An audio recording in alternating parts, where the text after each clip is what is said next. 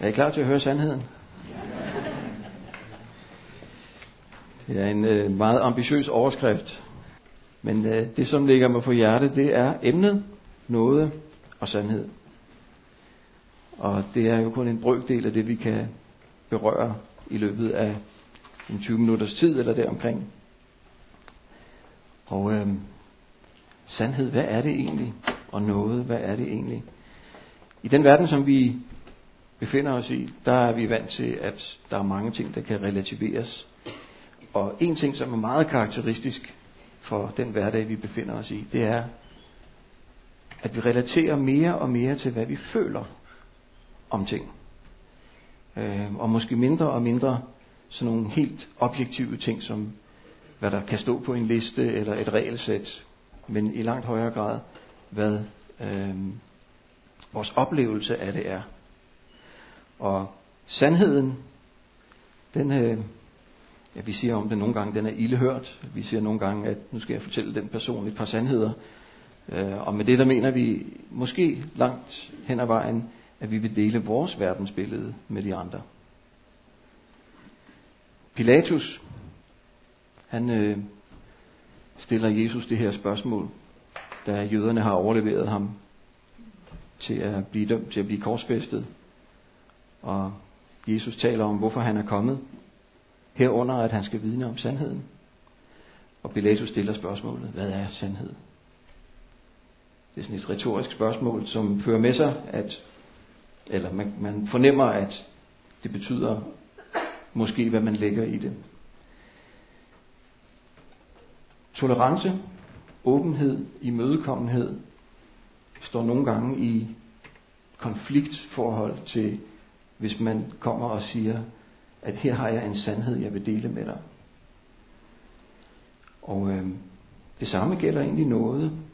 Noget, det er sådan en, det er sådan en ting, som vi tænker om, at det har noget at gøre med at være eftergivende, imødekommende, overbærende, langt hen ad vejen, at man ikke lader folk eller nogen øh, blive handlet med i overensstemmelse, hvad de fortjener, men måske snarere øh, præget af barmhjertighed. Og det er sådan set også rigtigt. Men når vi kommer til Guds ord, så, får vi, så støder vi os på nogle kanter. Så får vi nogle udsagn stillet over for os, som vi som mennesker måske ikke så meget bryder os om. Og jeg kunne tænke mig at læse nogle ganske få vers i Johannes evangeliet. Johannes evangeliet lægger jo ud med at sige, at ordet, altså Jesus, han blev kød og tog bolig blandt os.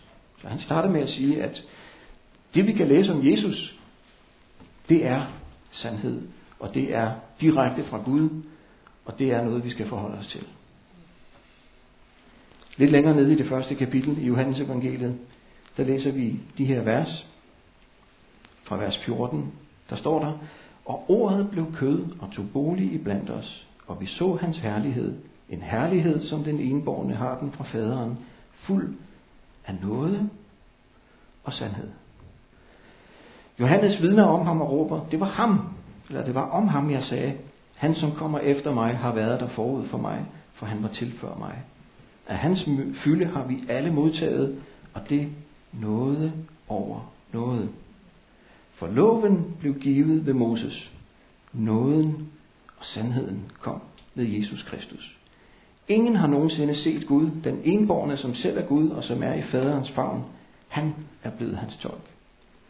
Så Bibelen kommer med et meget kontant, øh, en meget, meget kontant udmelding til os, der siger, at hvis vi vil vide noget om sandhed og om noget, så skal vi se på Jesus. Han er lægemliggørelsen af det. Og Jesus kommer jo ikke ind i verden fuldstændig uden kontekst. Det nye testamente skrives jo i konteksten af det gamle testamente.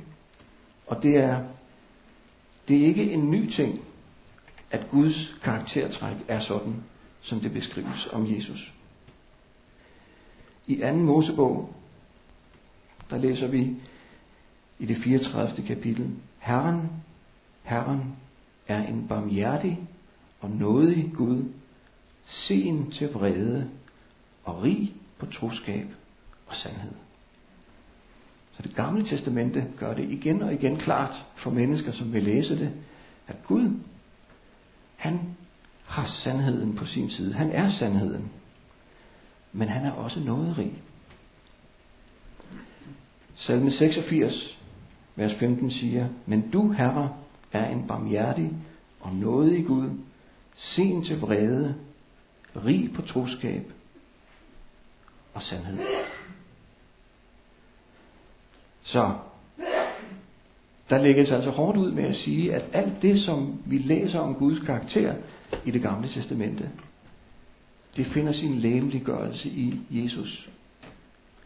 Så hvis vi bruger tid på at læse om Jesus, så finder vi ud af, hvad der er sandt. Men vi finder også ud af, hvordan Guds karakter er i relation til det at vise noget i lyset af sandheden.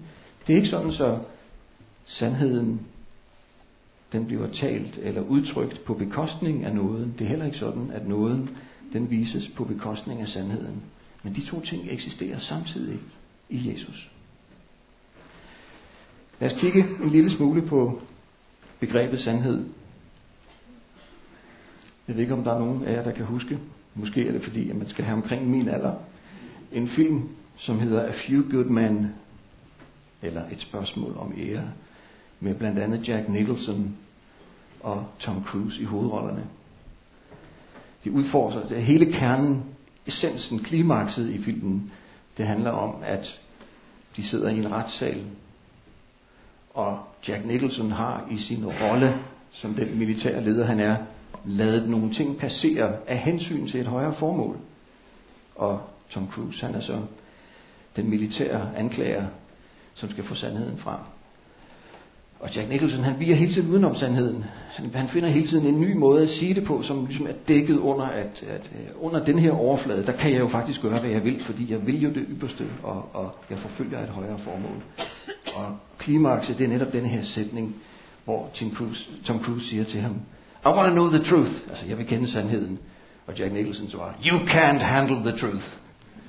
Du kan slet ikke, øh, du kan ikke håndtere sandheden. Du kan ikke relatere dig til sandheden.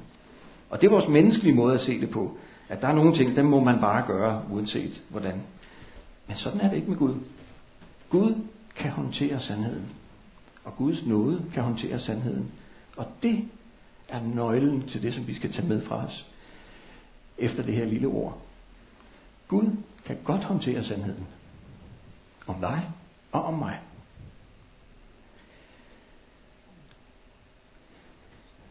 I Hoseas, i det gamle testamente, der står der, i det fjerde kapitel, Hør Herrens ord, Israelitter. Herren fører sag mod landets indbyggere, for der er ingen sandhed og ingen troskab. Ingen kundskab om Gud i landet. Forbandelse, løgn og drab, tyveri og ægteskabsbrud griber om sig, og blodskyld følger på blodskyld. Derfor sørger landet, alle dets indbyggere syner hen. Jordens dyr og himlens fugle, selv havets fisk omkommer. Det her det kunne være citeret direkte ind i den aktuelle politiske kontekst med menneskets skyld og handlinger, hvordan det påvirker hele skaberværket omkring os. Og Gud siger, det er fordi, at der ikke er nogen sandhed, og der er ikke nogen troskab. Så Gud han, han gør det, som han også øh, nævner i starten af Bibelen, giver ansvaret for skaberværkets ved og vel over til mennesket og siger, her, det er jeres at passe på. Og ved syndefaldet, der går det også ud over hele skabningen, som sukker og er i længsel efter forløsningens dag. Så sandhed har indflydelse på andet og mere end bare mig og mit privatliv og mine nærmeste. Ifølge Guds ord, så har sandhed og det at forfølge sandhed og vise troskab har indflydelse på hele verden omkring os. Og der står vi dømt over for Gud. I salme 32, der står der, Lykkelig den, hvis overtrædelser er tilgivet, og hvis synder er blevet skjult. Lykkelig det menneske, som Herren ikke tilregner skyld, og i hvis sind, der ikke er svig. Og så får man det her billede. Da jeg tav synede min krop hen, mens jeg stønnede dagen lang. For dag og nat lå din hånd tungt på mig. Min livskraft svandt ind i sommerens hede. Sela. Og så står der, min synd bekendte jeg for dig, og jeg skjulte ikke min skyld. Jeg sagde, jeg vil bekende mine overtrædelser for Herren, og du tilgav min syndeskyld.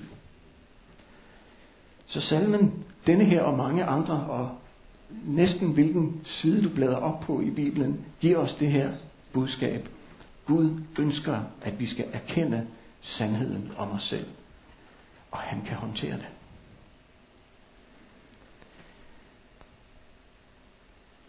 Jeg faldt engang over en øh, traktat, som havde den her sigende overskrift på engelsk. The good news is so good, because the bad news is so bad. Altså, de gode nyheder er så gode, fordi de dårlige nyheder er virkelig dårlige.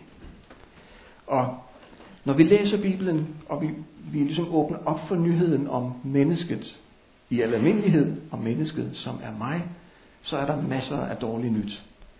Men der er jo også godt nyt. Det er derfor, det hedder evangeliet, det glade budskab, det gode budskab. Og det er der, vi kommer til at se på, på Guds nåde. Men øh, inden vi gør det, så tænker jeg, at vi jo lige skal mindes om, at Jesus han siger i Johannes evangeliet, jeg er vejen og sandheden og livet. Ingen kommer til faderen uden ved mig. Så det hvor vi startede, at Jesus er læmliggørelsen af nåden og sandheden. Det bliver tydeligt for os, også når Jesus træder frem for mennesker og begynder at forkynde evangeliet om riget og fortælle, hvem han selv er. Jeg er sandheden. Prøv at forestille jer, at et menneske trådte frem på fjernsynet i dag og sagde det. En politiker eller øh, en eller anden forfatter. Sådan, jeg er sandheden. Folk ville grine, fordi man skal ikke krasse meget i overfladen på et hvilket som helst menneske, før det går op for både dem selv og for os. Ja, sådan er det naturligvis ikke. Vi er fulde af alt muligt. Min mor fortalte mig engang om en historie, en sød historie, som hun havde læst. Jeg vil lige genfortælle den for jer. Og jeg er sikker på, 90-95 procent af jer kan genkalde jer den her følelse, som den giver. En dreng kommer i skole. Læreren samler stilene ind, som skulle være afleveret i dag. Og han har glemt det. Han siger til læreren, jeg har glemt den derhjemme. Læreren kigger på ham og siger, okay, du bor ikke så langt væk. Du kan løbe hjem og hente den på 20 minutter. Drengen går ud, åbner døren og begynder at løbe hjem af. Og mens han tænker, så tager han sit livs beslutning. Jeg vil aldrig nogensinde igen fortælle en løgn. Om han holdt det, det ved jeg ikke. Men I kender den her fornemmelse. Den her fornemmelse af, at man, man kan nogle gange undgå sandheden og konfrontationen og virkeligheden ved at lyve sig lidt ud af det. Sådan er vi mennesker hele vejen igennem. Fra vi er helt små, og det bliver ved. Det er sandheden om mennesket. Kort fortalt. Nåden, den læser vi meget om i, øh, i Guds ord. Og nåden er øh, ja, helt ubegribelig stor og helt ubegribelig vidunderlig. Vi bruger udtrykket, som sagt, at lade noget gå for ret.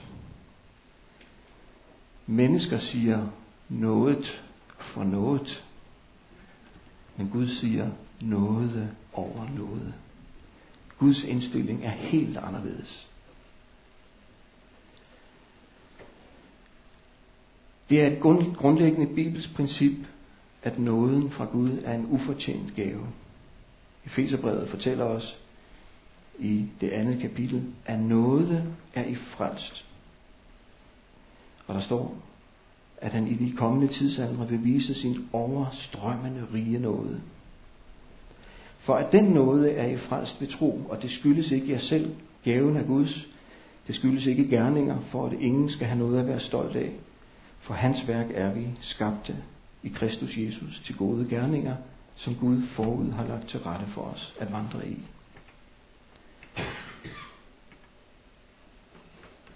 Ofte begriber vi ikke dimensionerne på Guds nåde, fordi vi ikke forstår sandheden om synd.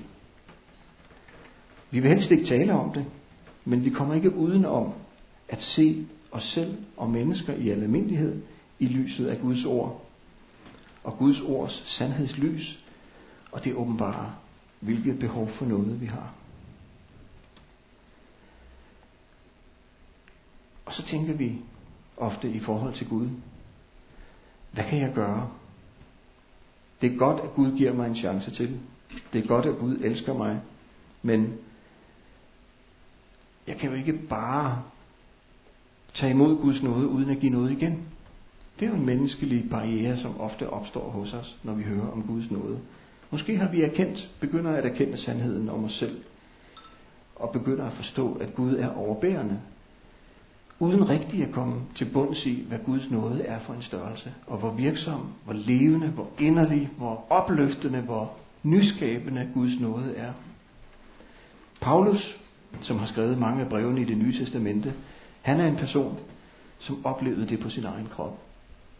Først ville han ikke erkende, at han tog fejl. Han var, øh, som alle de andre farisæere, som ikke er et positivt udtryk i det nye testamente, øh, ofte associeret med øh, lovretfærdighed og øh, ikke med inderlig barmhjertighed i virkeligheden.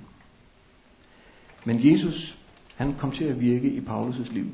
Paulus fik et helt andet billede på sig selv, da han ramte, øh, da han ramte Jesus på sin vej. Og jeg vil, jeg vil runde af med nogle ganske få nedslag i, hvordan den her nåde virkede i Paulus' liv. Han siger i 1. Timotius brev, Jeg takker ham, der har givet mig kraft, Kristus Jesus, vor Herre, fordi han har vist mig den tillid at tage mig i sin tjeneste. Skønt jeg tidligere var en spotter og forfølger og får frem med vold. Men jeg fandt barmhjertighed, for i min vantro vidste jeg ikke, hvad jeg gjorde. Og hvor Herres nåde har været ud over alle grænser med tro og kærlighed i Kristus Jesus. Troværdigt er det ord, og al modtagelse værd. For Kristus Jesus kom til verden for at frelse syndere, og af dem er jeg den største. Da han mødte Gud og Guds barmhjertighed og Guds kærlighed, så fik han det rette syn på sig selv. Jeg er den største synder af dem alle. Øhm. Men Kristus Jesus kom til verden for at frelse syndere. Han skriver også i Efeserbrevet, at øh, om evangeliet, som han er blevet tjener for ved Guds nådegave, der blev skænket mig ved hans kraft og styrke. Jeg, den ringeste af alle de hellige, fik den nåde at forkynde evangeliet om Kristi urensagelige rigdom for hedningerne. Paulus han kæmpede. Paulus han ville gerne gøre noget til gengæld. Og han behandler det her i Filipperbrevet, der hvor han taler til de kristne og siger, Derfor, mine kære, I som altid har været lydige, arbejd med frygt og bæven på jeres frelse. Arbejd med frygt og bæven på jeres frelse. Det er et argument, som vi som mennesker kan tage til os. Noget for noget. Gud viser barmhjertighed, men vi arbejder. Men umiddelbart forlængelse af det, så skriver Paulus, at øh, det er Gud, der virker i jer. Både at ville og at virke for hans gode vilje. Så Paulus behandler det her med, at skal vi gøre noget? Naturligvis skal vi gøre noget. Vi kan ikke gøre noget for at blive frelst. Vi kan ikke gøre noget for at fortjene Guds nåde. Men fordi Guds nåde virker i os, så gør Guds nåde det, at vi ønsker at tjene.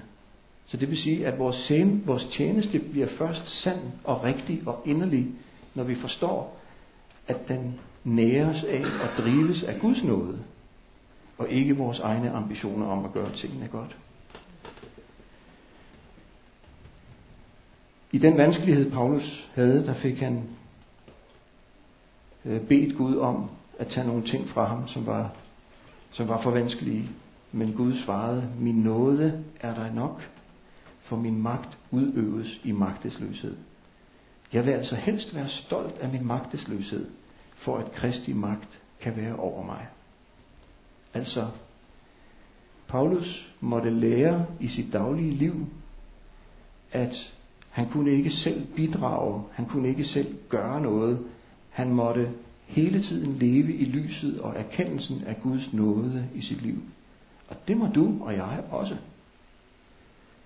Jeg oplever gentagende gange, som jeg tror, at alle kristne gør, denne her menneskelige tilbagevenden til, at Nå, men tak Gud, fordi at du løste det problem.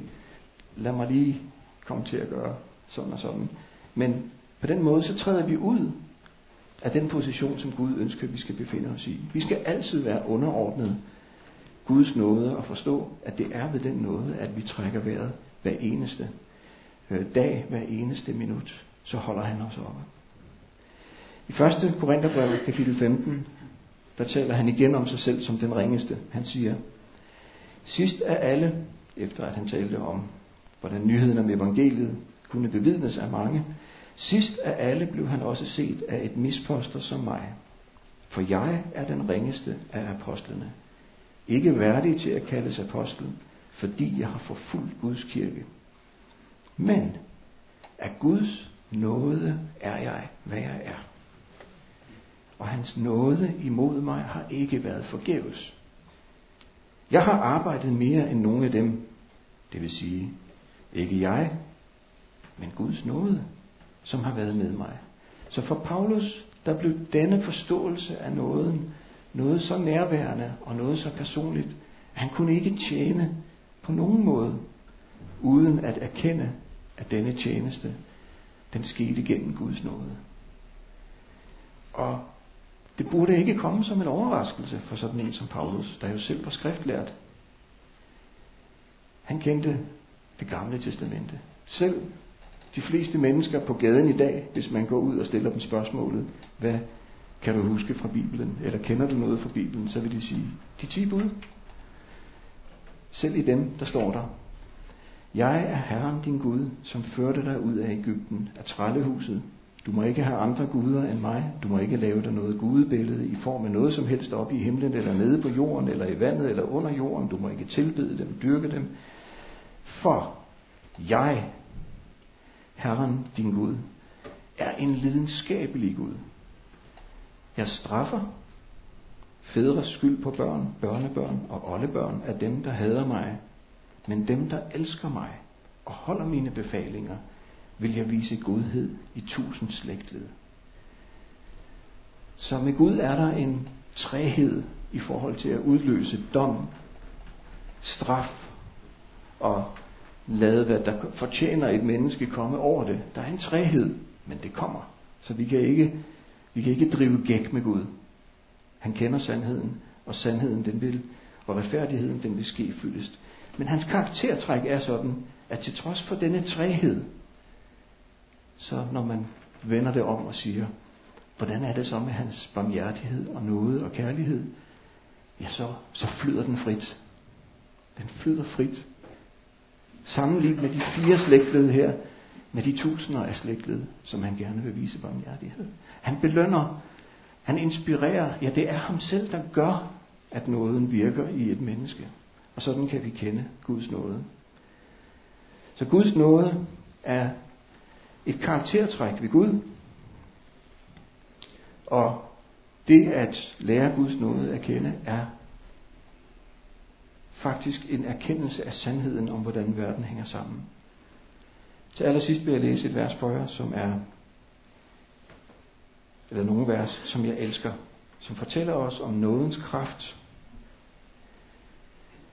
Der står lige som de mange, det er fra Romerne 5, 19. Ligesom de mange blev syndere ved det ene menneskes ulydighed, sådan skal også de mange blive retfærdige ved en enestes lydighed.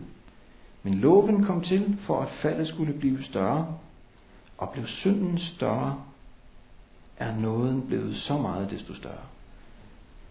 Kan Gud håndtere sandheden? Ja, det kan han. Selv i lyset af Guds lov, hvor vi ser os selv som overtrædere, det kan han. Hvis vi bekender, så er det uanset, hvor stor denne synd er. Jeg gentager, uanset hvor stor denne synd er, så er nåden fra Gud i stand til at omfavne og skjule og overvinde den synd. Og det gælder helt til det sidste, fordi der står videre, øhm, for at nåden, lige som synden har hersket i og med døden, skal herske ved retfærdighed til evigt liv ved Jesus Kristus, vor Herre. Så der sluttede cirklen i forhold til det, vi læste allerførst. Nåden er større end synden. Synden afstedkommer død, men nåden afstedkommer endnu mere kraftfuldt liv end den død, som vi står overfor. Så nåden, den rækker ind i døden. Hvordan? Ja, på samme måde som ordet kom ind i verden. Vi så hans herlighed, en herlighed, som den enborne søn har den fra faderen.